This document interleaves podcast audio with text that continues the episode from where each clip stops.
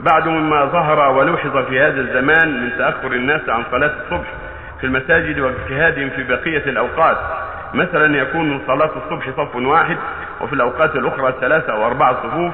عليه نرجو الاهتمام بهذا الأمر الهام وكتابة توجيه للأمة مع حثهم بالترغيب والترهيب وأسباب التقوى والاستيقاظ المبكر. جزاكم الله خير الجزاء. هذا لا شك أنه واقع ولا شك أنه محزن ومؤسف لأن كثيرا من الناس يسهرون يسهرون في الليل فإذا جاء الفجر فإذا هم أموات لا يقومون لصلاة الفجر وربما تأخروا حتى عن صلاة أهل الوقت فلا يصلوها إلا بعد الشمس عند عند قيامه للعمل وهذه مصيبة عظيمة نعوذ بالله.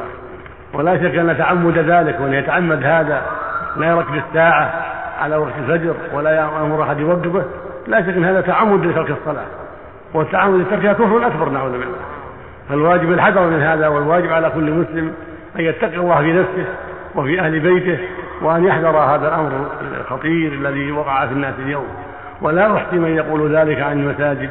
هذا في الحقيقة يوجب على المسلمين التكاتف والتعاون على إنكار هذا المنكر والتناصح بين المسلمين وعلى الخطباء في المساجد أن ينبهوا على ذلك وأن يكثروا من ذلك وعلى من يكتب النصائح في ذلك أن ينبه على هذا لأن هذا من باب التعاون على البر والتقوى ومن باب الأمر بالمعروف والنهي عن المنكر ومن باب الدعوة إلى الله عز وجل.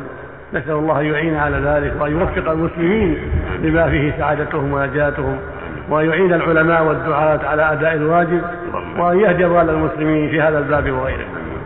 نعم. ولا يتفقدوا لأن هذا استكثر وكثر لا شك إنه عظيم والتفقد قد يحصل به المقصود وقد لا يحصل به المقصود.